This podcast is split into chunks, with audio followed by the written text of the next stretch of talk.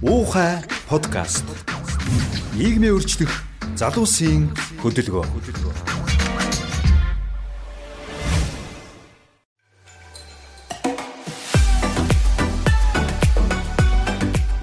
Сайн байцгаана уу? Уухай подкастын 12 дугаар дугаар эхлэх бэлэн болоод байна. За өнөөдрийн манай Уухай подкастын маань дугаарын сэдв шинжлэх ухааны технологи гэсэн маш тийм өргөн цар өрөөтэй сэдв байгаа. За энэ сэдвийг хүрээнд ярилцахаар хүрэлцэн ирсэн зочтой танилцуулъя. За юуны өмнө манай Лодар Осолбан ирсэн байна. Монгол Улсын их сургуулийн эрдэм шинжилгээ хамтын ажиллагаа хариуцсан дэд захирал Лодар Авсал инженер. Сайн уу Лодар? Сайн уу. Мөн энэ сэдвээр бидэнтэй ярилцахаар манай ухаан хөдөлгөөний гишүүн зол жаргал маань бол ирсэн байна. Зол жаргал маань болохоор Монголын үндэсний олон нийтийн радио телевизийн Монгол инженер нэвтрүүлгийн хөтлөгч. За мөн одоо бас инженер ийм хүн байна. Сайн уу золоо? Сайн уу. За тэгэхээр бид нар бол маш тийм азтай хүмүүс гэж би хувьдаа боддөг юм л да. Яаж ийнэ гэхэлэр тийм маш сонирхолтой 90 үед амьдарч байгаа тийм ээ. Одоо ажил төрийн одоо эдгээр өвсгөл гэх юм те. Одоо шинжлэх ухааны технологийн бол маш тийм өсрөнгөө хөгжил дэвшлийн үед амьдарч байгаа тийм ээ. А тэгээ бид нар бол яг тэрийг бол ингээд нүдэн дээрээ харсан үеийн хүмүүс шүү дээ тий Google-с өмнө сургуульд илсэн ирсэн орсон ч юм уу тий ажиглан харж байгаа. тий тий тэгэхээр бол тийм азтай хүмүүс а за яг хөө тэгэхээр шинжлэх ухааны технологи бол угаасаа бидний одоо нийгмийг өөрчилж байна тийм ээ маш олон талаар бол маш хэмжээний өөрчлөлтийг бол дагуулж байна. За Монголд энэ нөлөө одоо ер нь ямар байна? Ер нь цаашдаа одоо ямар одоо чиг хандлага ажиллах уу гэдэг ерөнхийд нэг сэдвээс эхлэх үү? Хм? Одоо.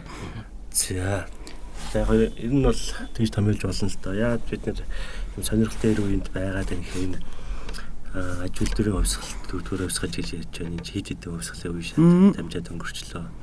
Бас тэрний тодорхой хэсэгт нь бас хариалагдж яваа хүмүүс шин залуучууд байна нөгөө хит хитэн генерашн буюу үе солигдоод явж байна. Нөгөө талаас энэ шинжлэх ухааны технологи хурцтай хөгжөөд ирэхийн хэрээр хүмүүсээс шаардж байгаа зүйл нь эргээд шинжлэх ухааны технологи бий болгож байгаа шинэ мэдлэг тэрний хэрэглээ нь бол асар хурцтай. Дээрээс нь маш их боломжийг нээж байна.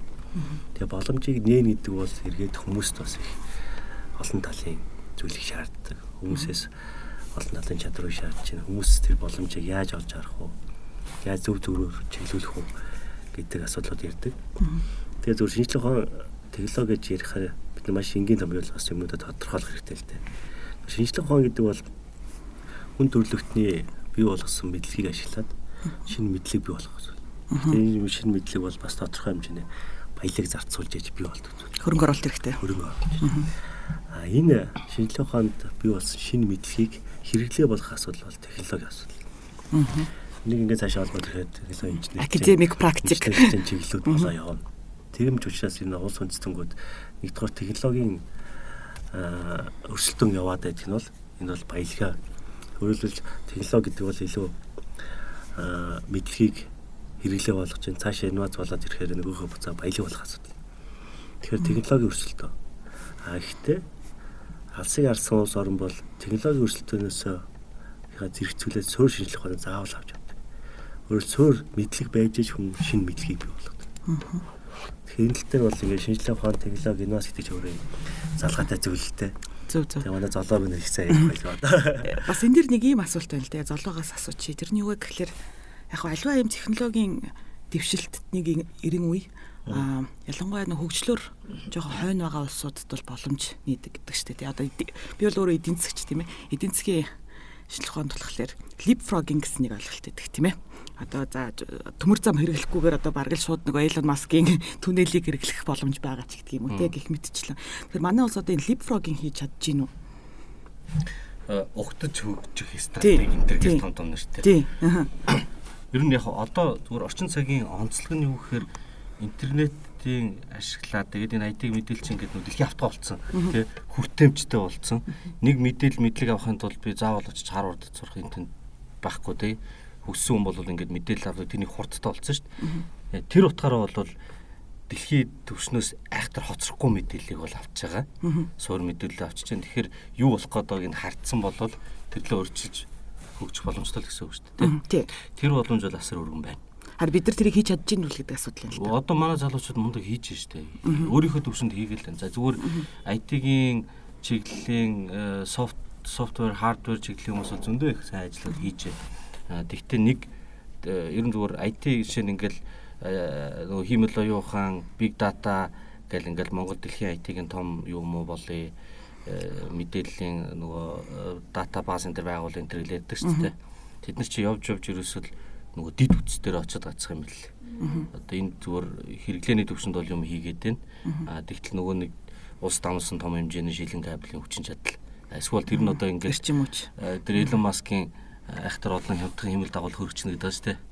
Тэгээ тэрүүгээрээ дамжуулаад интернетийг түгээд болно энэ гэдэг юм. Тэр нь хизээ биелдэг юм аа. Биелдэг юм аа гэхэд Монгол улс чинь өөрийн гэсэн тийм холбооны технологитой хэмэл дагуулын тэр юм хийх хэрэгтэй. Тэгэхээр нөгөө дид үтцэн байж иж энэ бүх юм чинь э, том хэмжээгээр бол хөгжинэ. Аа би тэрнийхээ уртгал бол бэлтгэл ажил зүгээр өөрсдийнхөө боломжийн байгаа нөхцөл байдлын хэмжээнд бол манайхаа маш сайн ажиллаж байгаа гэж би бодож байгаа. Аа лодогийн саяны ярьсан дээр нөгөө шинжлэх ухаан, технологи тэгээд ингээд аж үйлдвэрлэхэд гурван байна шүү дээ. Би энэ дээр яг санааг нь маш зөв гэж тодруулж хэлмээр байна. Яагаад тэгэхээр одоо манайхан дунд айгүй их яриа байдیں۔ Технологи шинжлэх ухааны академи ажил хийхгүй байна. Ингээд технологи гүйцэтгэлээр нь энэ урамшуулын энэ төр гээд тэр технологийн салбар гэдэг чинь шинжлэх ухаан байхгүй бол угаасаа хөгждөг.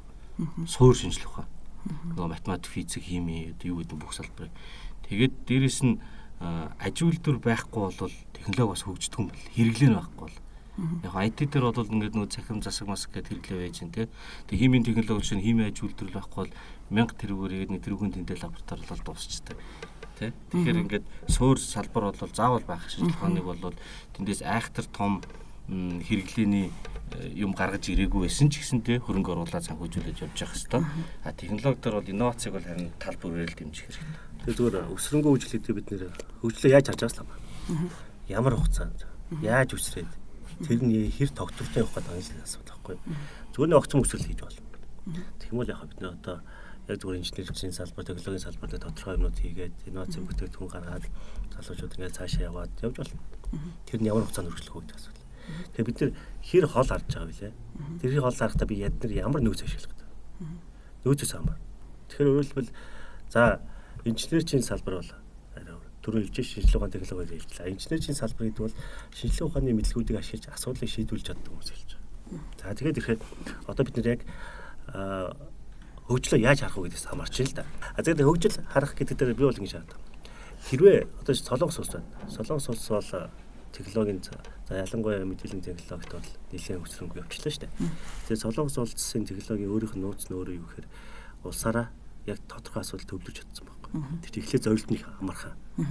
Рамыг яаж үйлдвэрлэх вэ? Бид рамын зах зээл хийжлээ л гэж. Ингээ санах хоёр зах зээл хийжлээ. Дараад нь юу? Гэтэл нөхдүүд одоо эргээд нөхдүүд бас дахиад нэг юм орхитууснаа бодож байгаа нь бол буцаад нөх шинжилгээний суурь шинжилгээнүүд орхицсан. Тэгэхээр бид нэр хөгжиж гэвэл ямар хөзөртэй байх гэсэн асуудал. Нэг бол бид нар технологид тавьж болно. Өөр юм гэсэн. А эсвэл бид нэр тодорхой суурь мэдлэгүүтэй технологи бүтээх хүний нөөцтэй тавьж болно Эсвэл бүр их мөнгөтэй гэж. Бүр их мөнгөтэй бол толгойд шилдэг тархиудыг цуглуулж авчирсаад нөгөө төлөөр явах байх. Тэгэхээр энэгээ зөв харах хит яаж төлөвлөх үү гэдээс л бүхэл юм хамаарч байгаа. Тэгээ ер нь бол шинжлэх ухаанчдэр технологичээр юу хэрэгтэй гэхээр хүний төвлөрөл, хүний нөөц. Тэрийг чиглүүлээ явчих өдөртөгч нь оюун санааны өдөртөгч нь. За тэгээд дид бүтсэн санхүүжилт байхгүй.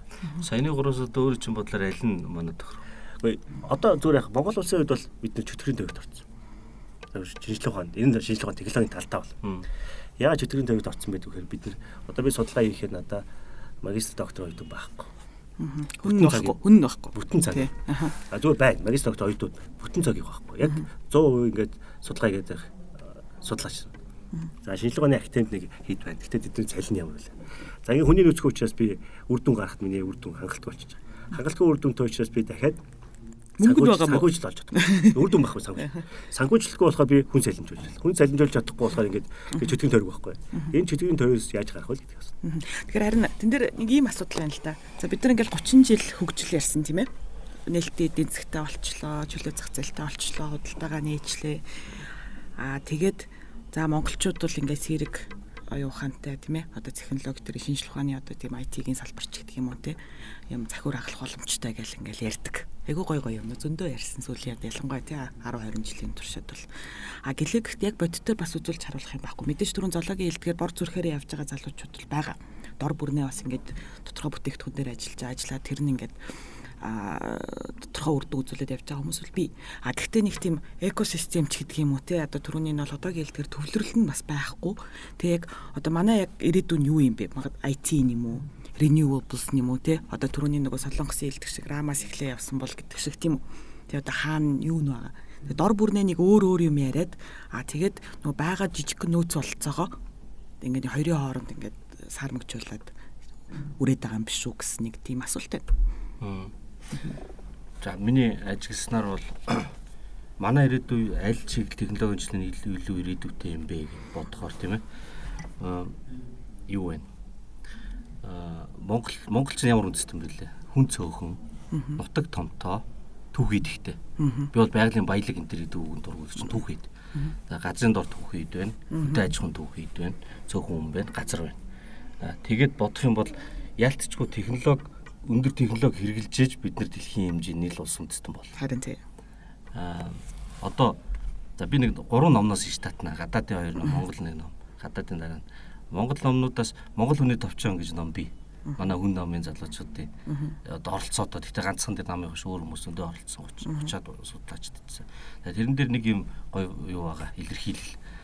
Технологи хэрэгжилж 3 сая Монгол 300 сая хүний дайтай үндэстэн болно гэж. Тэгээд дэлхийн дээр хэмжээнд даацтай.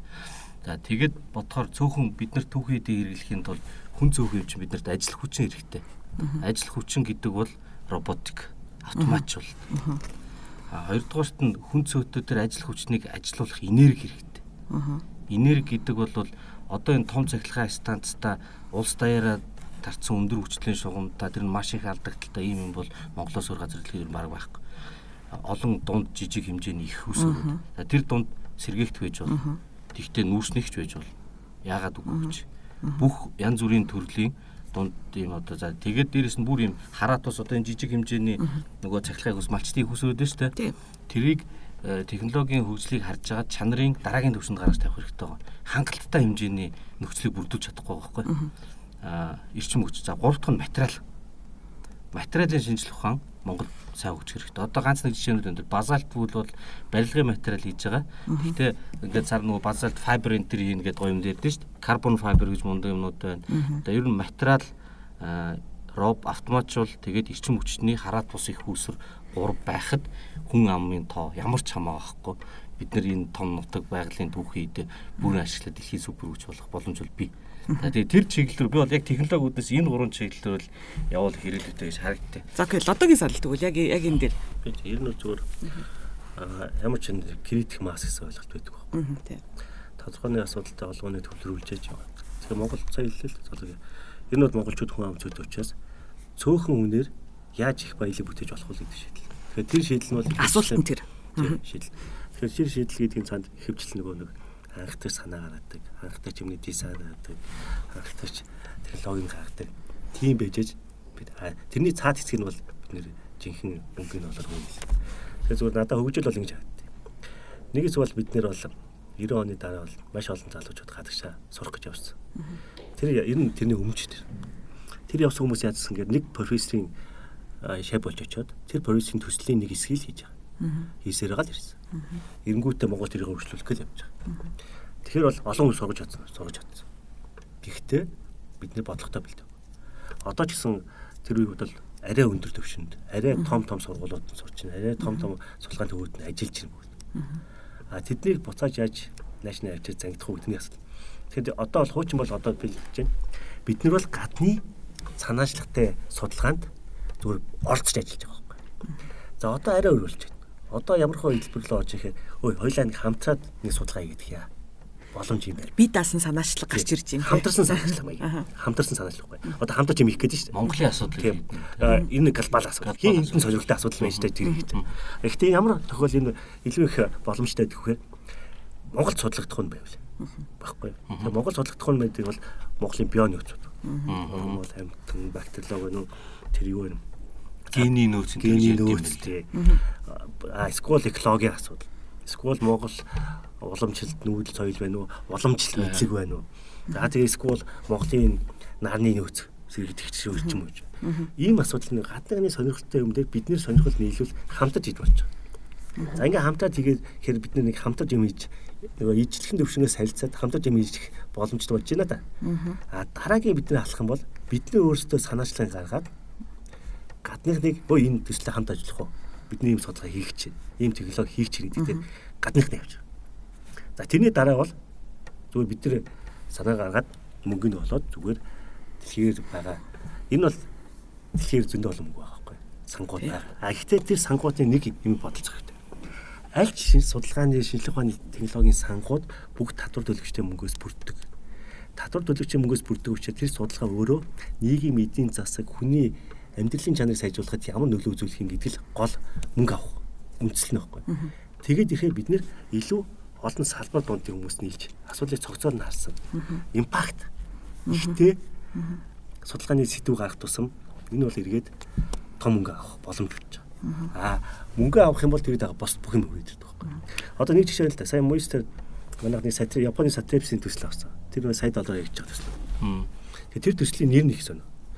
Монголын нүүдэлчдийн уламжлал мэдлэгийг ашиглан бэлчээр малыг эрүүлж болох байхгүй. Тэгэхээр манай нүүдэлч малчдын мэдлэг байна да.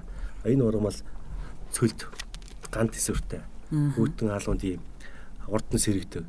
А тэгвэл тэр мэдлэгийг ашиглаад одоо цөлжөөд байгаа газруудыг бид нэр яаж буцаад сэргээх вэ? Эсвэл мал аль урамлын идэхээр илүү эрүүлж чадаад гэдэг байдлаар нэг Японд хамтруулах гэдэг. Ханаас гарсан санаачлах. Энэ бол манай Мойсийн профессор Токиогийн сургуулийн профессор нийлээд юугаа бичиж явах гэдэг шүү дээ. За гэх мэт. Тэгэхээр бидэнд бас нэг байгаа юм нь бол юу боломж вэ гэхээр уламжлалтын мэдлэгийг уламж хандгаах, уламжлалт нүүдэлчтэй мэдлэгийг орчин үеийн шинжилгээ ухаанаа орчин үеийн лабораторид баталчвал энэ бол шинэ мэдлэг байхгүй. гэдэг ч юм уу. Тэгэхээр нэгдэл дөрөв санхүүжилт ярьж эхэлсэн юм чинь эрдэм шинжилгээний ажил судалгаа шинжилгээний төсөв гэдэг ойлголт байгаа шүү дээ тийм одоо тэгээ R&D spending гэл тийм манайхт бол тэр бол одоо ингээл тоо баримт харангуут 1%-аас доош тийм ээ GDP-ийн яг хөө тэрийг гадаа бас яаж тооцдог нь жоохон маргаантай тийм ээ. А тэнгуүтээ яг миний ойлгож байгаагаар бол ерөнхийдөө шинжилгээний акцент тийм одоо юу гэдгийг уламжлалт хийдэн институтынхаа мөнгийг л тооцоод ах шиг байна. Тэгээ хувийн байгууллагт бол зүгээр R&D гэсэн ойлголт бол харьцангуй баг байхгүй байсан. Сүүлийн үед бол бас бий болж ирж байгаа шиг байна тийм ээ Тий. Аа тэгээ тэрийг бас ингээд нөгөө нэг тооц гаргачлалын асуудал аа. Тэгэхээр энэ R&D-гийн одоо хөрөнгө оруулалтыг яаж нэмэгдүүлэх вэ? Ямар хөсвөргүүд байх вэ гэдэг. Би бол нөгөө нэг юу талаас нараад байгаа татврын бодлогоч гэдэг юм уу те. Одоо жишээлбэл тэр одоо судалгаа шинжилгээнд зарцуулсан зардлыг одоо зардал тооцоо тий янз бүрийн татвараас нь хөнгөлдөг ч юм уу тийм ээ. Гих мэдчлэн тийм соёл бид нар бий болохгүй бол алхийн болгон зүгээр одоо одоо юу гэдэг судалгааны ажил гэхлээр гадны хөрөнгө оруулалтыг горилох юм бэ? А дээрээс нь төсөвдөр ч гэсэндээ тийм ээ бид нар бол одоо ингээл хангалттай түүхийд гаргаж штэ. Тий тэр мөнгөө дахиад баялаг болгох зүйл рүүгээ хөрөнгө оруулж гин үгүй юу тийм ээ. Тэгэхээр бол тэн дээр одоо нэг тийм соёл үүсэх систем шиг надад санагдаад байдаг байхгүй. Энэ дээр энэ бол гурван их усруу байхгүй гол асуудал.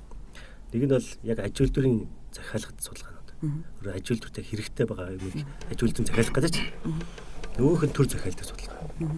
А гурав дахь нь нэг олон улсын санхүүжилттэй судалгаа байхгүй. Тэр чинь нэг глобал хүндрэлтний асуулт шийдэх гэдэг байгаа утга. Тэр өөрөө угаасаа зогс тайцсантай байх хэрэгтэй. Тэгээд ихтэй сургуулиуд харахад бас өөр нэг сонслогтой. Шинжилгээний технологийн сургууль бол аж үйлдвэрийн захиалгын судалгаа ихтэй. Гэрээд ажлууд ихтэй гэсэн үг байхгүй юу? Аа өдөө аж ахуй ангаах хоёр бол төрийн улсын захиалгын судалгаа хийгдэ. Аа Мойсийн үг зөвөр бүтцийг харахаар илүү олон улсын хамтарсан судалгааны төслүүд их байдгийг. Тэгээ зөвөр MIT дээр явж байгаа нэг профессортэй яг энэ асуудал яригадад яах вэ бид нэр одоо ингэж байгаа гэл. Нэлээ асуудал ярьж байхгүй. Эсвэл хэлсэн юм ганцаад гэж. Та нар хүн бол сайн бол сайн чихний PI хийх бол тэр хүн чинь өөрөө төсөө олоод ирдэ. Төсөө олоод ирэхээр угаасаа санхүүжилтээ ол гэсэн үг шүү дээ. Санхүүжилтээ олоод ирж байгаа хүн чинь угаасаа доор авчих хүнээ олоод ирдэг. Дэд бүтсээ дагуулад ирдэг. А энэ үнийг яаж бий болох вэ гэсэн. А бий болох асуудал нь нэг бол бид байгаа хүмүүсээ бүгдийг чадахжуулаад тийм хэмжээнд авчих. Эсвэл гаднаас байгаа хүнийг авчрах. Тийм боломжууд байгаа шүү дээ. Тэгэхээр ихэд энэ чинь өөрөө яг цаад югаар бол нэгдүгээр хүний нөөц асуудал. Хоёрдугаарт хамтарч ажиллах соёл. Яг одоо сая намар шилжээний шилжээний ажилчдын өдрөлөө юу их хурл болсон шүү дээ. Тэн дээр ярьсан нөгөө хандлага өөрчлөлт гэдэг юм дээр нэг юм бол хамтарч ажиллах соёл байхгүй. Яг ингээд салбар бондын байгууллагад ингээд хамтраа баг болоод ажиллах гэхээр хэр хамтарч ажиллаж байгаа гэдэг асуулт байхгүй. Тэр чи өөрөө хүчээр нэгтгэх хэрэгтэй. Дээр нь тэр чирээ манлайлагч нь байх хэрэгтэй гэсэн санаа байхгүй. Төсөв юу гэснээс түрүүн одоо энэ дурдналээ нөгөө хэрвээ асуудал нь дэлхийн нийтэд хэрэгтэй асуудал байгаад тэгээ тэрийг судлах өгдөл Монголд байж байгаа юм бол тэр дээр хөрөнгө босох боломж байна гэж тийм. За тэр хөрөнгийг хүн босгоно. Тэгэхээр сайн боловсон хүчин, сайн сургагдсан, гадаад дотоод үздсэн монгол хүн болвол тэрийг босгоод хийж чадна. Тэрэн дээр нэг айхтар миний хувийн бодлоо шүү дээ. Төрөөс ингээл энэ салбарыг ингэж хөхүүлэн дэмжинэ гэдэг нэг сонь өгдөг шүү дээ. Ингэж тэртээ тэргүй хүн хүндэл анхаарах юм бол тэр нэг өөртөө хийгээ явчихна яаж одоо хомгийн том дэмжлэг юу гэхээр татварын дэмжлэг байхгүй яг өөрөө чи ягдгаар тэр тэрийг одоо яг зүгээр ямар формулировк байх юм мэдэхгүй байна. Тэр нь зарцуулсан өндөр технологи тодорхой зүүн хідэн чиглэл зарцуулсан хэмжээгээр нь татварын өнгөлдөг юм уу те. Бүр тийм тодорхой юм хэрэгтэй би нэлээд хэдэн жилийн өмнө Америкийн инженер их том компанитай ингээд бид нар нүүрс шингэрүүлнэ гэдэг Монголын том компани баах явсан шүү дээ. Тэгээд зураг төслийн ажил их зөндөө юм хийсэн. Тэгээд тийм төслүүд бол юм дээр очиод унсан бэ гэхээр ерөөсөө эдийн засгийн хувьд хүнд. Тэгэхээр тэрийг зүгээр Монголд хүчээр хийх үгүй юу гэдэг шийдвэрийг бол гаргах. Тэр хийх юм бол тэр нүүрсгээд одоо энэ хэрэггүй дадлаа шиг их байгаа ямиг өндөр үнэтэй бүтээгдэхүүн химийн материал байхгүй юу? Одоо унцаар янз бүрийн өндөр үнэтэй бодис болгож зөвхөн ядтаас гадна дэлхийн олон нийт гарагийг гэж Монгол хэрэг шийдэх юм бол татврын хөдөлгөөн хэрэгтэй юм бэл. Тэгхгүйгээр тэр бол явахгүй. Байгалийн хідээ харьцуулахад өрсөлдөх чадваргүй. Тэгэхээр эхлээд төрөний дээр зорилгоо тодорхойлоод тэгээд тодорхой нэг нарийн технологитой салбарыг хөгжүүлнэ гэж үнэхээр шийдсэн бол тэрэндээ зориулсан бодлогыг зорилтоо гаргах хэрэгтэй. Энд тийм бодох хэрэгтэй шээ. Яад би дахин дахин хүний нөөц яриад байгаа гэхээр энэ бол зөв мөнгө олох хамгийн амархан. Мөнгө олвол юм худалдаа тавьчих. Монгол зөндөө тоног төгрөөр худалдаж А зүгээр хүний нөөц гэдэг чинь өөрөө хамгийн удаан бэлтгэдэг зүйл байхгүй. Тэгээ хүний нөөц одоо чинь нэг хичнээн мундгүн байгаад би зүгээр шинэ асууд барьж авал тэндээс шинэ мэдлэг гаргаж чадахгүй. Шинэ технологи гаргаж чадчих. Нэг юм удаан зурлалцсан хүн чинь нөгөө юун дээр асуудал ягаад юуг нь сайжруулж болох вэ гэдэг олж хараад тэн дээр юм хийх үхээс биш зүгээр ингээд өнгөцхөн ийм асуудал ороод орхно ийм гаргасан асуудал байхгүй тий хүний нөөц Тэр нэг асуудалтай төвлөрөөд удаан хугацаанд явцсан юуг нь одоо нөгөөдөлийг яаж дэмжих үү гэдэг асуудал байхгүй юу? Яг хүний нөөц гэж ярихаар түрүүнээс хойш бас өөрөө чилдэг нэг үг бодогдоод байна л та critical mass те. Яаж нэг гэхээр өнгөрсөн хугацаанд бид нар хүний нөөцөө бэлдсэн үү бэлдсэн. Өчнөө олон залуучууд гадаад дотоод боловсрал эзэмшсэн тийм үү янз бүрийн лабуудад ажилласан. А тэгтээ дандаа ганц нэгэр. Тэ мэ? одоо жишээлбэл тийм нэг генетикийн лабд ажиллаж байгаа нөхөртэй тэнцээ болохоор одоо тийм одоо юу гэдгийг тийм хиймэл оюуханы чиглэлээр ажиллаж байгаа хүн нэтрэг л дандаа ганц нэг хүмүүс байгаа байхгүй. Тэд нар Монголд ирлээж гисэндээ нөө critical mass гэдэг зүйл чинь бас алга байгаа тийм үү. Тэгэхээр өнгөрсөн хугацаанд бол бид нар нэг тийм маш бодлогогүйгээр асар их бас мөнгө зараад тий улс ч мөнгө зарсан, хувь хүмүүс ч мөнгө зарсан. Ер нь манай улс ч боловсролд бол маш хэмжээний мөнгө зардаг штеп. Тэгсэн ирнэ боловсролын салбарт ингээд дундалттай болц тий. Гадаадын дэмжлэгээр гадаадын зардлаар бас их явсан. Тий. Тий тэгэнгүүтээ яг тэр critical mass бол ямарваа нэгэн тийм одоо яг хайтек салбарт бол үүсэж байгаа юм бол одоо яг надад бол зүгээр харагдахгүй байгаа. Би бол биш надад арай өөр юм хэлмээр. Зөв жишээ татъя. Аа сая бид нар энэ Монгол инженер гэдэг нэвтрүүлгийг техникийн юм жоох хүмүүс анхаараасаа гэж хийдэ. За тэгээд тэр нэвтрүүлгийг явж сая нэг энэ өвчин өвчин гараад тэгээд лабораториудаар явсан. халдвартын үндэсний төв те тэр нөгөө нэг амтны гаралт онцгой халдварт энэ төр гээд эрүүл нийгмийн эрүүл мэндийн төв. Тэгээд тэнд жишээлбэл молекул биологийн хамгийн сүүлийн үеийн тоног хөрөмжөл бүгд байна. Дэлхийд дээр хэрэгэлдэг юмнууд. Аа тэнд байгаа боловсон хүч хангалттай бэлтгэгдсэн. Бүр уламжлалтай урданд сайн эрдэмтэд байсан одоо ч сайхан залуучууд байна ажиллаж байна те. Тэгэхээр тэрийг харахад бол зарим салбарт ингээд улс гэж байхгүй юм шиг тэнд бол бас байна. Тогтолцоо бүрх юм айгүй гоё. Аа хоёрдугаар жишээ нь энэ IT-ийн чиглэлээр зүгээр бизнес хийж байгаа залуучууд нь өөрсдөө мөнгө бас бид нар нодлоор том том кейсүүд мэдэн дээ. Аа тэр гоё э, монгол хэлийг таньдаг болцсон чи химэл оюуханы анхан шатны илмэд финтекийн стартапууд тийм финтекийнхэн байна. Аа за тэгээд дээрэс нь аж үйлдвэрлэлд робот лабораторитой бүрэн автомат үйлдвэрүүд Монголд байна. Хүнд үйлдвэр. Тэгэхээр эднэр бол аль хэзээний нэвтрээд тэрийг хэрэглэх нэвтрүүлэх боловсруучийн тодорхой хэмжээнд бэлтгэгдсэн муу сайн илэгцээр хагаад энэ муу шүтээс энэ чинь хүмүүсээ бэлдсэн. За дээрээс нь гадаадд сурсан тэр юмнууд бол байна. Аа ингээд гол нөгөө юм тесрэх хүч үүсэхээр юм уул нь баг явах явуулчмаар санагдаад байгаа байхгүй. Тэгээ энийг явуулахын тулд би улс төр ярина. Тэгэхээр ер нь бол энийг ойлгодог хүмүүс тэнд их ховор байна. Тэ. Тэр жоох юм ойлгодог хүмүүс оруулж иж түүхээгээ таавал бас өөр шүү.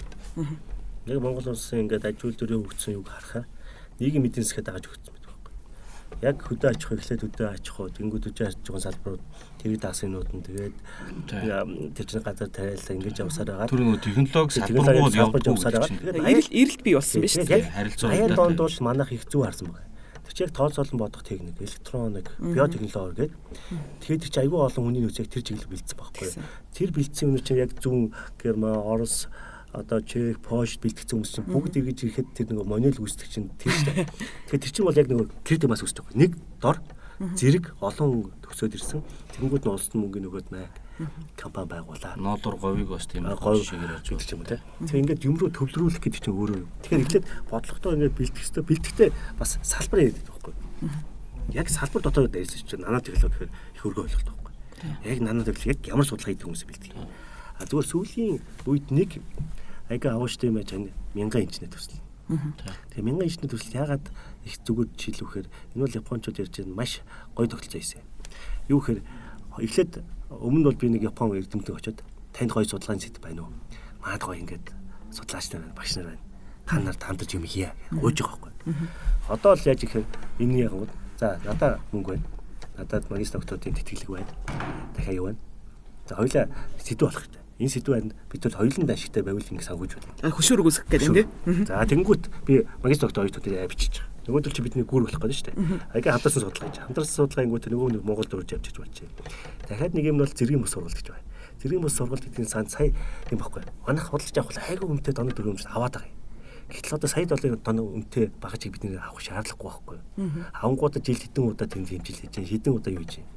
А тэгснээр бол нөгөө хүнийх мөнгөний нөгөөд гадаадын лабораторид түрээслээд мөнгөний нөгөөд захиалгаа өгөөд тэднээс тэдэн цагаад бишилгээгээд явуул хамаагүй дээр. Тэгэхээр нөгөө бидний зөв зохистой ажиллах яг энэ хамтын ажиллагаа хамтарсан технологи хөгжүүл хамтарсан судалгаа хөгжүүлэх гэдэг юм. Харин одоо энэ Японд хэрэгжүүлсэн нэг дараад нь Франц, Герман, Америк гэдэг юм нөгөө технологийн дараагийн улсуудыг 10 10 сэдвэрч хамаагүй явуулчих хэрэгтэй байхгүй. Тэгээд мөнгийг заавал их мөнгө. Зөв мөнгийг зөв бодлоготойгоор яг цогцоор нь хараад хийгээд байвал юм үр дүн арай тэгээ урт хугацаанд харах хэрэгтэй. Харин тийм манайх болохоор технологи гэдгийг ерөнхийдөө тоног төхөөрөмж гэж ойлгох ойлголт бас түгээмэл үү тийм үү? Тийм зүгээр одоо нийт одоо иргэдийн түвшинд а тэнгуүдээ маш өндөр үнэтэй тоног төхөөрөмжүүд гадаадаас аваад байдаг. Одоо жишээлбэл манай нөгөө гадаад худалдааны алдагдлыг харах юм бол тоног төхөөрөмж гэсэн англи бас нилээ өндөр хувийг эзэлж байгаа шүү дээ. Тийм үү? А тэрийгээ яг үндэ үр ашигтайгаар одоо ашиглаж чадж гинүү те. Магадгүй тэрийг Монголд үйлдвэрлэх боломжтой байсан ч юм уу те. А тэнгуүтэ түрүүний зоологийн ярддаг одоо энэ коронавирустай холбоотой лабууд энэ төр гэж ярьлаа шүү дээ тийм үү. Тэн дээр би зүгээр хувь хүний хувьд нэг юм бодоод байгаа.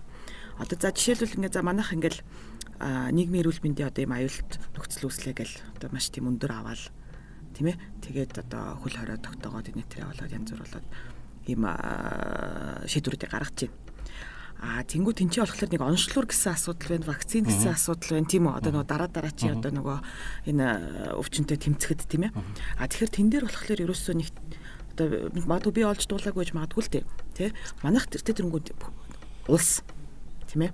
А боловсон хүчин байгаа. Тоног төхөөрөмжүүд нь байгаа. Уламжлал. Уламжлал байна тийм үү. Тэгэхээр бид нар бол жоох одоо амбицтай арах хэрэгтэй юм шүү гэж бодоод байгаа байхгүй тий. Одоо вакцин дээр ажилламаар байна. Наазах нь ядаж тэр нэг онцлуурын дотроо хийж л да. Хин үгүй нэг Японоос тэдэн мянган онцлуур гуйсан ч гэнүү нэг тийм яриад байгаа. Гол нь л онцлуурч нэг харцсан гайгүй технологи гэж бодлоо хүмүүс тэрийг хийх э, сонирхол байд юм байна лээ. Төлөвлөсөн төлөвлөсөн юмнууд тэр гений нөөцгээ түрүүн л одоо дурдсан. Гений нөөцийн тухай хууль гэдээ боловсруулсан. Энэ гарууд нь баталж өгөхгүй яаж өгөхгүй явсан юмнууд байна Дээрээс нь вакцин гэдэг одоо Монгол бүх хүүхдүүдэд тарьж байгаа. Вакцин бол мэдээж хэрэгтэй том амжилт. Тэгвэл тэрний хяналт гэж байх хэвээр Монголд вакцины хяналтын лаборатори байхгүй. Олон улсын тэр нөгөө стандарт юуны хяналтын дагуу явдаг гэж итгэл явж байгаа байхгүй. Тэгээ ямар ч тохиолдолд хүн тусгаар улс бол өөрийн гэсэн хяналттай байх шүү дээ. Тийм юм ин 2004 онд гэлүүдэ байхгүй болгоо ийцсэн юм лээ. Тиймэрхүү юмнууд бол байна. За тэгээд нөгөө Монголд одоо технологи ямар хуу байдлаар хийх вэ гэдэг нь бид нэр ярьж байна. Тэрэн дээр нэг хэдийн нэмээ хэлчихмээр санагдав. Технологи гэж одоо тоног төхөөрөмж биш ээ гэж тийм. Одоо технологи гэдэг үгийг бас IT гэж хүмүүс их хүлээж авч байна. За тэр бол зөвхөн IT биш. IT-ийн аж үйлдвэрийн дөрөвдүгээр хувьсгалын технологиуд арга хэрэгслүүд бид нэр ярьдаг. Аж үйлдвэрийн дөрөвдүгээр хувьсгалын хэрэгсэл миний бодлоор Монголд за мэдээж эн чинь нэрүүл мэнд тэгэл за цахим засаг бүх салбарт хэрэгтэй нийтийн тээвэр хот хамгийн том хэрэглээтэй юм манад бол уул уурхай. Түрүү ярьсан шүү дээ салбар байж иж технологи нь хөгжөөд тэгээ мэржлүүд нь явдаг юм а гэдэг. Уул уурхай байна. Тэгэхээр уул уурхай дээр аж үйлдвэрийн дөрөвдүгээр хувьсгалыг технологид бүрэн хэрэгжилж чадах юм бол нөгөө ажил хүчин чинь цөөр. Тэ? Тэгээд одоо тэнд очиж бид нэр зис ийм хөдөр олборлоод баяжуулаад экспортод гаргахад нөгөө сарын туршаад 2-7 хоногор гэрээ хайж явах хэрэггүй байхгүй. Тэнд чинь нөгөө технологи хэрэгтэй. Тэр экскаватор чинь хүнтэй үнгүй ажиллаж чадна. Сайн дизайнтай зураг төсөлтөө технологи дуурхаа баг ингээд цөөхөн хяналттай ажилладаг тийм Европын кейс зөндөө байна л да. Тийм байна. Тэгэхээр тэн дээр бол нөгөө ажил дээр юм чи хэрэг болно. Тэгээд Монголын нүүдлийн соёлыг яаж авч үлдэх вэ гэдэг яриа айгүй их явагддаг. За тэр нүүдлийн соёлын асуудлыг шийдэх түлхүүр нь бол технологи гэж би боддتي. Тэнд чинь нөгөө тэр сүүлийн үеийн технологиг ашиглаад зайны сургалт оншилгоо тэгээд нөгөө хүнд хүрэхгүй байгаа хангалттай хэмжээний эрчим хүч үйлдвэрлэх нөгөө говийн айлууд чинь хатуу ус уусараад богино насалдаг хүмүүс. Тэр усны зэвэрсүүлэлтийн технологи энэ төр бол уул намрах шүү дээ иймэрхүү нэг тодорхой юмнуудыг хийгээд тэгээд тэр нүүдэлчин хүний амьдрах нөхцөл байдал нь хотыгоос нэг ихт ордохгүй.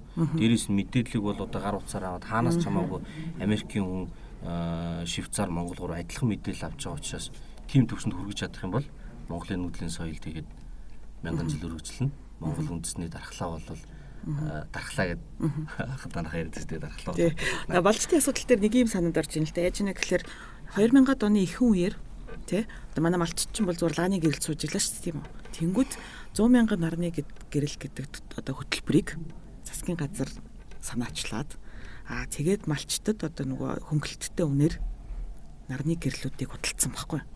Тэ? Тэгэхээр тэнд бол ингээд яг за асуудал байсан уу байсан тэ? Тэнцээж 200 мянган айл өрх эрчим хүчний хүсвэргөө байсан. За тэнгууд төрийн дэмжлэг байсан уу байсан. Тэ? 50% жилийн хөнгөлөлттэй үнээр олгосон.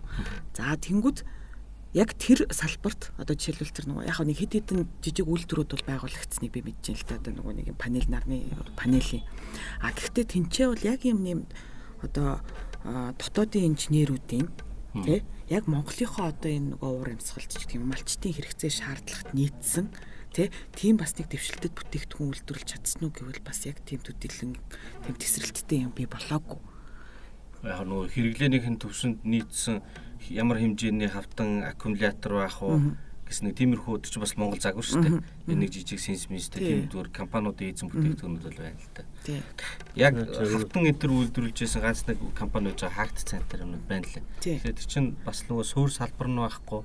Тэгээд материалын шинжилгээний хөгжөөг болохоор бүх юмыг өөрсдөө үйлдвэрж чадахгүй тэндээс авчраад угсраад нөгөө газар гаргаад зарж исэн шүү дээ. Тэрийг хөгжүүлж болно. Тэрийг реэкспорт хийхэд тулд нөгөө бизнесийн татврын орчноор зохицуулж болно л доо. Тэр ч зүгээр нөгөө төрөнийх л аахгүй. Хамгийн амархан асуудал нь зүгээр л хөдөлж аваад оруулчих жоохгүй. Харин нийлүүлчихдэг тийм. Технологи импортлж. Харин за зүгээр. Технологи импортлсноор малчтай юу сайжирсан сайжирсан. Ямар ч нэг хийж чадагчлаа. Аа зүгээр зүг нь бол яг энэ талаар болох явал одоо тэр панел Монголын цагаагаар тий Монголын цагаагаар ч өөрөө бас их өөр байхгүй. Хуурай тэгээд дэрс дэрс энд ажиллахын тулд энэний панелийг яаж сайжруулах вэ гэдэг дээр хүний нөөц юугаа тавьдсан бол бас нэг өөр асуулт. Тэгвэл бидний хүн төрөлхтөнд нэг хэл хэмтэй байхгүй юу? Өөрөөр гэсэн давуу талтай. Инновацтай тийм. Инновац. Тэгээ зүгээр бидний хэрэглэх гэдэг энэ хөдөлж аваад нийлүүлэх одоо шинэ шилэн кабел гоё даач чинь 11 мянган км хэдэн чиглэлээ шилэн кабел даацсан нэг үн контент нь байхгүй ч олон жил болсон. Юу бодолтой давчлаа. Нэг хэсэгтээ ингээ байлаа гэдэг ч юм уу. Тэгэхээр нөгөө бид түрүүний л нөгөө альч нөөцийг бидний хязгаарлагдмал нөөцтэй. Хүний өвч төр хөрөнгө мөнгөний өвч төр аль аль хязгаарлагдмал нөөц байхгүй. Хязгаад нөөцөөр яаж явах вэ тэрийг төвлөрүүлэх л асуудал. Юм өвч юг төвлөрүүлээд зөв нүчтэй зарцуулах асуудал байхгүй. Энд зөв бодлохоор тавих нь өөрөө улс орны бодох асуудал хүмүүсийн бодох асуудал. Тэгээд тэрийг дагаад ирэхэд бас нэг хүмүүсийн хамтаж ажиллах соёл үг гэдгийг суулгах асуудал үүснэ. А зүгээр яг энэ бол Монгол хүний бас нэг даваа тал байдаг. Монгол хүний даваа тал юу гэхээр хөдөөхээр ганц айл байгаа учраас энэ хүнд асуудал тохиолдол би өөрөө шийддэг байхгүй. Үйлчлэхэд бодож чадахгүй. Би зарим асуудлыг заавал шийдэж. Гэхдээ шийдэлтээ би локал яг тэр хүрээнд шийдэж байгаа байхгүй. Харин энэ үнэ шийдсэн асуудлыг глобал төвшөнд нь гаргаж тавиад орчин үеийн юугаар яг технологи шиг хөгжүүлчихвэл тэр бол шинэ. Тэрүүний санаанд ажиллаж шээ. Ажиллаж байгаа юм бол монголчин гэдэг бол үндсэндээ бол технологи байгаа асуудал. Тухайн үед л түр ажиллаж шээ. Тэгвэл тэрийг Тэгэл дараагийнх нь технологид оруулаад ирэх юм бол тэр бол жинхэнэ юуны асуудал байхгүй юу? Шинээр болох цаас. Технологи э, нөгөө төвлөрүүлэх их чухал гэж ярьлаа шүү дээ. Тэгэхээр технологи э, хаашин төвлөрүүлэх вэ гэдэг дээр би дахиад нэг 2 э, 3 санаа ирчмээр байна. Одоо ингээд орчин үеийн технологи ярихаар бид нар айгүй их агаар юм ярьдаг. Би бол нөгөө судлаач гэхээс илүү жоохон инженерийн чиглэл рүү ажиллажсэн болохоор тэгэхээр ингээд уул нь миний бодлоор бол шүү дээ. Асуудлыг шийдэх бол технологи хэрэглэн тий. Тэгээ Монголын асуудал ямар байгаа? Жишээлбэл морин хуур морин хуур морин хуур бол дэлхийн хөгжим болж байгаа. Тэгээ Монголын нэрийг гаргаж байгаа. Морин хуурыг чинь хэрвээ инженерчилж жоохон сайжруулаагүй байсан бол Монгол гэртээ туйл халаал тэгэл тэр нь супер гоё. Тэгвэл тайзан дээр тоглож болохгүй. Тэр нь зөвлөлтийн мастер хятадын морин хуурын мастер зөвлөлтийг нь болохоор нөгөө модон цартаа болоод хятад нь хиймэл мяд зэгээд энэ төр ингэ сайжруулсан байл шүү дээ. Одоо бид нар Монгол цахилгаан болгох юм боо. Үгүй тэд нар ажиллаж байгаа. Айгу нарийн бэж юм байл дизайн дээр. Монголчууд ажиллаж байна. Тэгээд эн чинь дэлхийн хөгжим болж байгаа байхгүй юу? Тэгэхээр тэнд урлагийн салбарт тэр инженерийн шийдлүүд хэрэгтэй байна. За тэр бид нар уламжлалт авах яхад инженерийн шийдэл аврахад хэрэгтэй гэсэн тий. Тэгээд одоо ингээд ажил дөрөв дөрөвдөр усалд ярихаараа л нөгөө л Монголд байхгүй дэлхийн юм яриад идэг. Тийм биш ээ. Нүүрс бол ажил үйлдвэрийн дөрөвдүгээр хувьсгал бүх хувьсгалыг чинь түгэхэд үндэс байсан. Нэгдүгээр хувьсгал уурын хөдөлгөөрөөр ихэрсэн, нүүр шатаажсэн. Хоёрдугаар хувьсгал нь болохоор нөгөө цахилгаан тий нүүр шатааж ирсэн. Гуравдугаар хувьсгал нь сэрэ одоо цуврал үйлдвэрүүд конвейер хэмжээний үйлдвэрлэл. Тэр чинь нөгөө гангийн хэрэглээ гангийн хэрэглээ гараад ирсэн. Ган кокс, кокстог нүүрс гэдэг. За одоо дөрөвдүгээр хувьсгалд нь дэлхийн ертөнцийн материалаа хэрэглэдгээрээ хэрэглэн нүүрсээ хэрэглэн нүүрсээ олборлох тээвэрлэх одоо ингээл нөгөө хил дээр 150 км очирлоод ийм балаа юмнууд чинь бүгдээр энэ дөрөвдүгээр хувьсгалын автоматжуулалтанд тэглээр үг болох байхгүй. Тэгэхээр тэр технологийн хэрэглээг Монголынхаа салбарт биднэрт байгаа асуудал дээр авчирч наамар байгаа юм. Улаанбаатар хотын асуудал ярихаар л сэргээгт гэрчин үүч дээвэр дээр нарны панел тавина гэл тавьж болно. Тэгтээ тэр чинь бүрэн том шийдэж чадахгүй шүү дээ. Тэгэл нэг 100 түлш яриад хамгийн э, нөгөө дэлхийн дулаалд гаргаж байгаа хүлэмжийг хамгийн бага зардлаар өдөвтэй бууруулдаг юм чинь дулаахан жижигхэн байшин байхад ягаад тэгээд тэр нь ингээд шийдэх боломжтой бидний мэддэг технологи дулаан байшин барьж чаддаг шүү дээ. Тийм байхад тэр лөө оруулж байгаа олон улсаас авчирч байгаа хөрөнгөнч тэр дандаа магаар амраар яваад идэг. Тэгэхээр инженерүүд техникийн шийдэл гаргаж байгаа хүмүүс Монголын асуудлыг яаж хамгийн хялбар багаар бодиттой шийдэх вэ гэдэг нийцсэн технологи л хэрэглэх хэрэгтэй. Тэгээ яг зүгээр энэ дээр одоо шинэ түрүүн коронавирус мөрөстэй холбоотой юм ярьлаа шүү дээ. Тэгэхээр монголчууд өөрөө төрүүлж энэ бол юм баггүй. Амдаж хөгжиний тийм цаа санаа юу гэдэг вэхээр шинээр үүсэж байгаа асуудлыг байж аваад тууштай төрүүлээ алхах хэрэгтэй байхгүй. Төрүүлээ алхацсан хүмүүс бол нөгөөдөөс би төрүүлээ л яваад. Тэр бол энгийн биж болно. Тэгэхээр тэрнтэй холбоотой шинэ юуны асуудал нэг юм л яг тэгвэл онцлог гэж штэ. Онцлогтой адилхан эрүүл мэндийн салбар тоног төхөөрөмж аа үйлдвэрлэлийн тоног төхөөрөмж хоёр уул Монгол хүнд илүү Монгол илүү зохимжтой. Яг гэвэл энэ чинь удаан хөгждөг. Нэг юунд гарахаар дараагийн юу гартал айгүй удаан хэрэглэдэг байхгүй тийм. Тийм хурд одоо нэг ахуй iPhone шиг шүү дээ. Юу юуг явчихдаг байхгүй.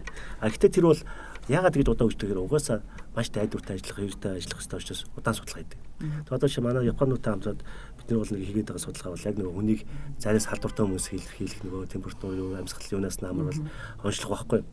Тэгээд одоо янгууд бид нэр дараагийн алхам юу хийж яг одоо эхлүүлэх гэж явж байгаа төсөл юу гэхээр робот сувлэгч байхгүй. Одоо яг ингэ халдвартай үед бол сувлэгч яваад би эрсдэл орж штэ. Тэгэхээр робот яваад нөгөө температурыг нь үзэн амьсгал нь яаж ингээ ингээ явж ивэл болохгүй штэ. Тэгэхээр одоо тэр л одоо бидний ороод эхэлж л та. Тэнийг бид ингээл хийгээл өгөөж сайжаалаа. Бид нэр зогсохгүй бол нөгөө төлөөс төрүүлэл алхаад байгаа байхгүй. Тэгээ магадгүй дараагийн юуны үед бол нөгөө чинь нэг опшн суулаад хүмүүс судалж авах бол тэрийг авах гэдэг шээ. Гэдэг ч юм уу. Тэгэхээр нөгөө бид нэг судалгаараа яг төлхөө ороод яг тэр ингээд тууштай явж чадвал Тэр чинь өөрөө үрдө авчрах зүйл. Тэгэхгүй одоо ингээд Монголын шинжилгээ ухааны нэг асуудал байгаа. Нөгөө мөнгө байхгүй учраас би мөнгө олохын тулд энд нэг сэдв бичиж өгч байгаа. Тэр нэг жоохоо тэрүүгээр нөгөөтгөө жоох хайх болно. Дахиад энд бичиж за танаад юу бичиж өгч болох аа ийм судалгаа. Ингээ бичиж өгнө. Ийшээ нэг ингээд ингээд нөгөө тасралтгүй тууштай цангуучл байхгүй юу байхгүй учраас би нөгөө мөнгө ханаас олох үедээс хамаарат янз янз зэрэг үсчээд байгаа угаасаа үр дүн гарахгүй болчихж байгаа. Фокус багтаа болчихж байгаа тийм. Тэгэхээр тэр технологийн сан байдаг үсттэй төсвөөс. Шийдлэгэн технологийн сан гэж төсөж хөөрхөж байгаа шүү дээ.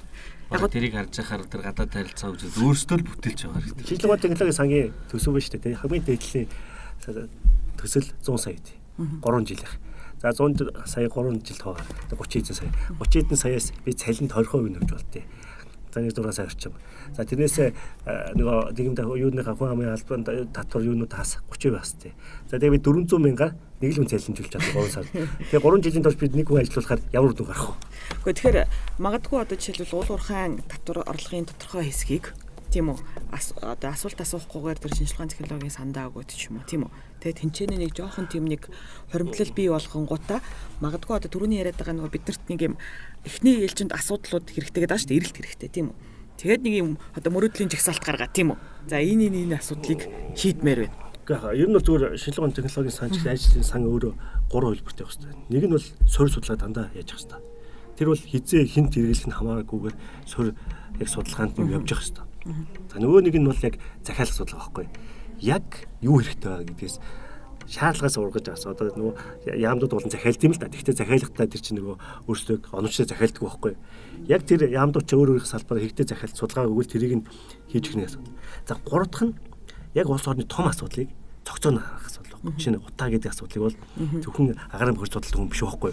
Бүтэнгээр харах хэрэгтэй. Тэхийн тулд нөгөө тэр багууч нь томоор нь өгдөг тасалгүй нэлээд олон жил өгдөг. Тэгээд нэг ихтэй сургуулиуд хүрээлэнгүүд хамтарч ажиллахаас өөр аргагүй.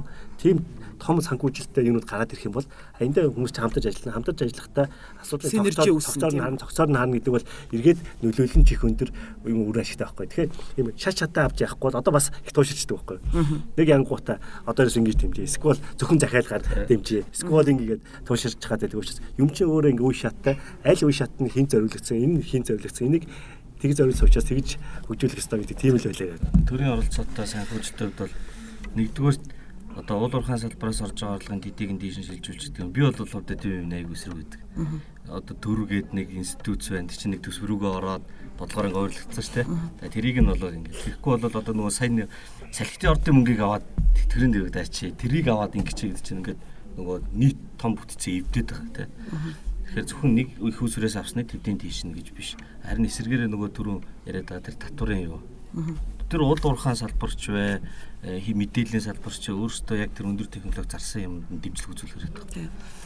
Аа 20 дугаарт нь суур шинжлэх ухаан бол дандаа төрөөс Харин тийм учраас тэр санд бас мөнгө байх хэрэгтэй гэж хэлэх байхгүй. Тийм түүнээс ч нөгөө юм бодит ашиг өнөө маргааштай ашиг өгөхгүй юм л бол хувийн хвшил бол мөнгө оруулахгүй шүү дээ тийм биз дээ. Тэгээд тэр суур шинжлэх ухаанд э, мөнгө оруулчаад эднэр юу хийж байгаа гэдэгт бол угаасаа утгагүй асуу. Харин тийм мартчих хэрэгтэй биш байна тийм үү?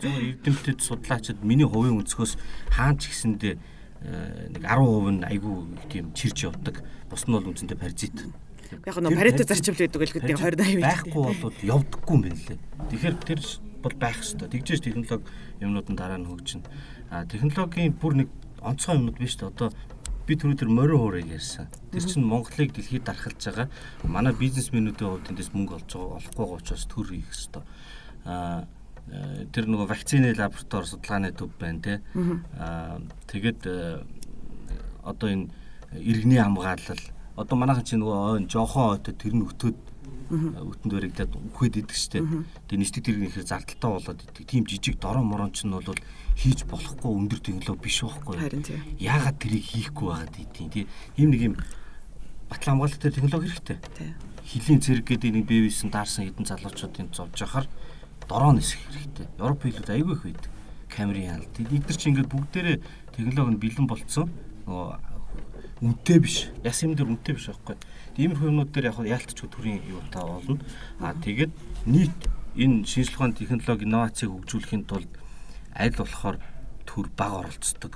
Төрөөс нэх мөнгө өгдөггүй. Аа татвар орчноор дэмжиж өгдөг. Тэгээд юу хийхин заагаад идэггүй. Тийм л байвал өгч байгаа. Тэгээ өөрөөс нь үр дүнгээ юугаар үнэлэх үү гэдгийг л агуулж болоод байгаа. Одоо сорь судалгаа шинжилгээний өгүүлэл байгаа. Өгүүлэл нь өөрөө хүлийн зөвшөөрсөн сэтгүүл гарчна гэдэг бол тэр хүмүүсээ гаргаж ирсэн шинэ мэдлэгийг хүлийн зөвшөөрч ирнэ л гэсэн үг байхгүй. Тэр бол сорь судалгаа. Аа дараагийнх нь бол дараагийн төслүүд бол одоо яг нийгмийн эдийн засаг нөлөөлөл гэж төрүүллээ шээ. Тэр яг нөлөөлж үнэхээр нөлөөлөх юу гарч ирнэ гэдэг ч юм. Ингээд ингээд үр дүнгээ бодит үнэлэхүйц рүү ороод ирэх аяндаа юм ч өөр болно. Аа нөгөө талаас зүгээр нэг л юм бодох. Энд ч өөрөө систем. Системийн бүх эд танк ямар ч гацсахгүй явж байгаа хэрэгтэй. Одоо бид нэг ярихтаа за сагвал энийг нэг эхлээ эргүүлж. За энийг эргүүлээ их гэдэг. Тэр бол явахгүй. Тэгэхээр бүгд зэрэг хөдлөхийн тулд бүгдийн тогтцоод харж нэг төлөв эргүүлчихэр нэг газар хараа хуурч шүү дээ. Нөгөө чинь нэг гацаа гацаа байлаа. Яг гурлагийнх нь өнөөдрийн яриаг дүгнээд хэлэх юм бол за ямар ч байсан гэсэн системийн бүрэлдэхүүн эсүүд бол манайд бол өнгөрсөн хугацаанд бол бүрэлдэж бий болоод байна. Тийм ээ. А гэхдээ яг уу магадгүй яг том дүр зургаараа нөгөө систем нь бас тэгж эргэж чадахгүй байгаа. А гэлээ гэхдээ бол тэр нөгөө эрг шургууд нь бол байна тийм үү. Тэгэхээр тэр эргүүлэх ажлыг нь л одоо бид нар ямар нэгэн байдлаар тийм үр ашигтайгаар одоо хийвэл магадгүй тэр нэг тесрэлт бий болох гэдэг шүү дээ тийм үү. Маш хатнаар хэлэх юм бол систем нь хараад нөөцийг төвлөрүүлж онорчтол ажиллах хэрэгтэй байхгүй. Тэр системтэй олон араатай нэг машинист биш үү? Вагоны чинь ширж явах гэдэг тий. Тэр машинист машинистын баг дотор жоох юм мэддэг хүмүүс орох хэрэгтэй. За тэр машинистын багт юм мэддэг хүмүүс оруулахын төлөө. За подкаста дуусгахаас өмнө манай нэг уламжлалтын асуулт байдгийн. Тэ. Тэгэхээр тэр асуултаа та хоёроос соёлонгаас нь асуугаад тэгээд дуусгая гэсэн бодолтой байна. За хамгийн сүүлд ямар ном уншсан бэ? Аль эсвэл ямар ном одоо сонсогчдоо санал болгохгүй. Лодогоос эхлэе. За. Золоо явчих юм уу? За золоо явчих. А за тэгээ би түрүү нөгөө гурван ном штатна гэж. А тий харин тий. Бид нар яриа чөлөөтэй уучаас юм гоо системтэй ярьсангүй. За гурван ном штатнчаа. Нэгдүгээрт нь Жорж Фридман гэдэг геополитикч Америкийн эрх 100 жил гэдэг ном Монголд хэвлэгдэх нэлээд хэдэн жил болсон. Тэр номыг би уншаад надад хамгийн их авч үлдсэн юм юу гэхээр зэрэг ертөнц цолол өөр болох юм байна. Энд шин технологиудыг чинь ашиглаад ирэхээр том жижиг улсын ялгаа байхгүй болох юм байна. Тэгэхээр бид нар бол хятадын хажууд Оросын хажууд жижигрээд ах шаардлагагүй болох юм байна. Яаж тийм болох вэ гэхээр зэрэг хараа тус эрчим хүчний бие даасан их усүрийн технологи материалын шинжилх ухаан роботик энэ гурыг хийсэн байхад Монгол цөөн хүн амтаж гэсэндээ нутгаа бүрийн эзэмшин роботууд ажилуулна эрчим хүчний хангалттай боловсруулж энэ рүү бид нар чиглэнэ. Хоёрдугаарт нь юу? Э, хоёрдугаарт нь тэр нөгөө Ювал Харари гэдэг э, Израилийн их сургуулийн доктор модонд орсон 2 жил. За тэрний э, номнууд ерөөсөө л хилж байгаа гол санаа нь яг тэр бол зүгээр асуудал төвшүүлээд шийдлэхгүй хайцсан л да. Тэгвэл яг одоо хүн технологи хэрэглээд тэр хүн их өөр болох нэ. Тэ хүн өөр болох нь тэрийг эзэмшсэн хүмүүс илүү хүчрхэг болох нь. Тэгэхээр бид нар нөгөө нэг хинт чирэггүй масс болж хувирахгүй тулд Монгол улс заавал технологиг эзэмших хэрэгтэй. Байгалийн хөгжлөнч тэрийг шаардж байгаа. За 3 дугаарт нь бидний нөхдийн э, хамтарч бичсэн Монгол хүний товчон гэж ном байна. Тэр номон дээр яг ингээд Монгол гэж хин юм гэдгийг л томьёолох гэж оролцсон юм. Тэгээд бидний сэтгэлгээний онцлог ийм, соёл нь ийм, нутаг нь ийм, хүн амын тоон ийм. Тэгэхээр технологи хэрэгтэй. Технологи эзэмшижээс л 3 сая Монгол 300 сая хүний баялаг бүтээн гэдэг шүү дээ. Тэгжээж бид нар дэлхийн юм очноо гэж. Баярлалаа залуу. Миний хувьд бол яг хамгийн сүүлийн уншсан ном гэх юм бол яг саяхан гадар авцсан болохоор нөхөр наран баярын төсөрөө төсөр гэдэг номыг л уншлаа. А зүгээр гаргасан ном гэх юм бол сая оны өмнө манай Ямос гэдэг клуб байдгийг. Бидний сургууль суралцах гэдэг ном хамтаж бичсэн. Тэр номыг үнцэн тал гаргасан. А зүгээр юу талдаа ерэн зүгээр яг би ном унших зав их багын төвшөөс жоохон тойл дүрэл дээр яваа авч явдгийг Тэгээс унш чадахгүй байсан гадар авцсан унш чадахгүй байсан сүүл авч явсан маа ном болон Элен Маскийн томыг авч явлаа. Аа. Тэгээ тэр ч нэг навьжилж уншихын тулд жоохон завтай үед унших хэрэгтэй учраас тэрийг авч явсан. За баярлаа. За тэгээ бидний урилгыг хүлээн авч сонирхолтой яриа өрнүүлсэн хоёр инженертэй баярлалаа. За ухаа подкастын 12 дугаар дугаар та бүхэнд Батбаярын жаргалан хөтлөгчөөр хүргэлээ. Баярлалаа. Баярлалаа.